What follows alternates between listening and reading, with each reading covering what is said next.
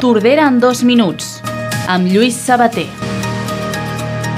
La regidoria de Seguretat, a través de Protecció Civil i els diferents departaments municipals, tenen activat tot un seguit de protocols i accions de prevenció davant l'anunci d'onada de calor. En aquest sentit, s'ha constituït el Pla Bàsic d'Emergències Municipal i s'ha activat el Comitè Municipal d'Emergències a Tordera.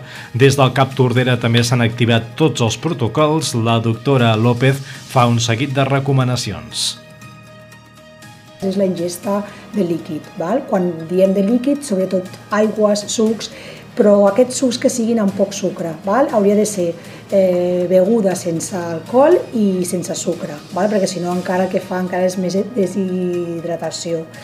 Trobada de geganters aquest cap de setmana a Tordera serà amb la participació de set colles d'arreu del país. Amb aquesta trobada recuperem la normalitat i tornem a les trobades que estàvem acostumats abans de la pandèmia i per tant esperem doncs, que, que la gent surti al carrer, que gaudeixi dels gegants i que amb nosaltres ajudi a fer més gran aquesta festa. I aquest dissabte el Festival de Peixera es prepara per la seva segona i última nit de l'edició 2022.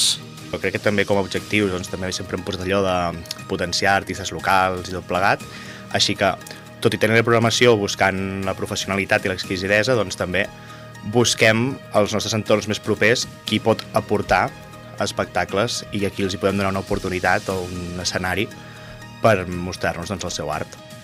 Cap de setmana que ens deixa també, per exemple, avui audició de sardanes amb la Copla de la Principal de Banyoles i demà ball folk tradicional amb el grup Ameva a la plaça a les 10 de la nit.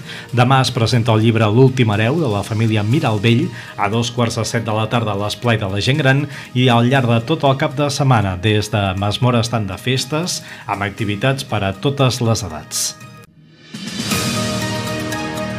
Tordera en dos minuts, un podcast dels serveis informatius de Ràdio Tordera disponible a la web i a les principals plataformes.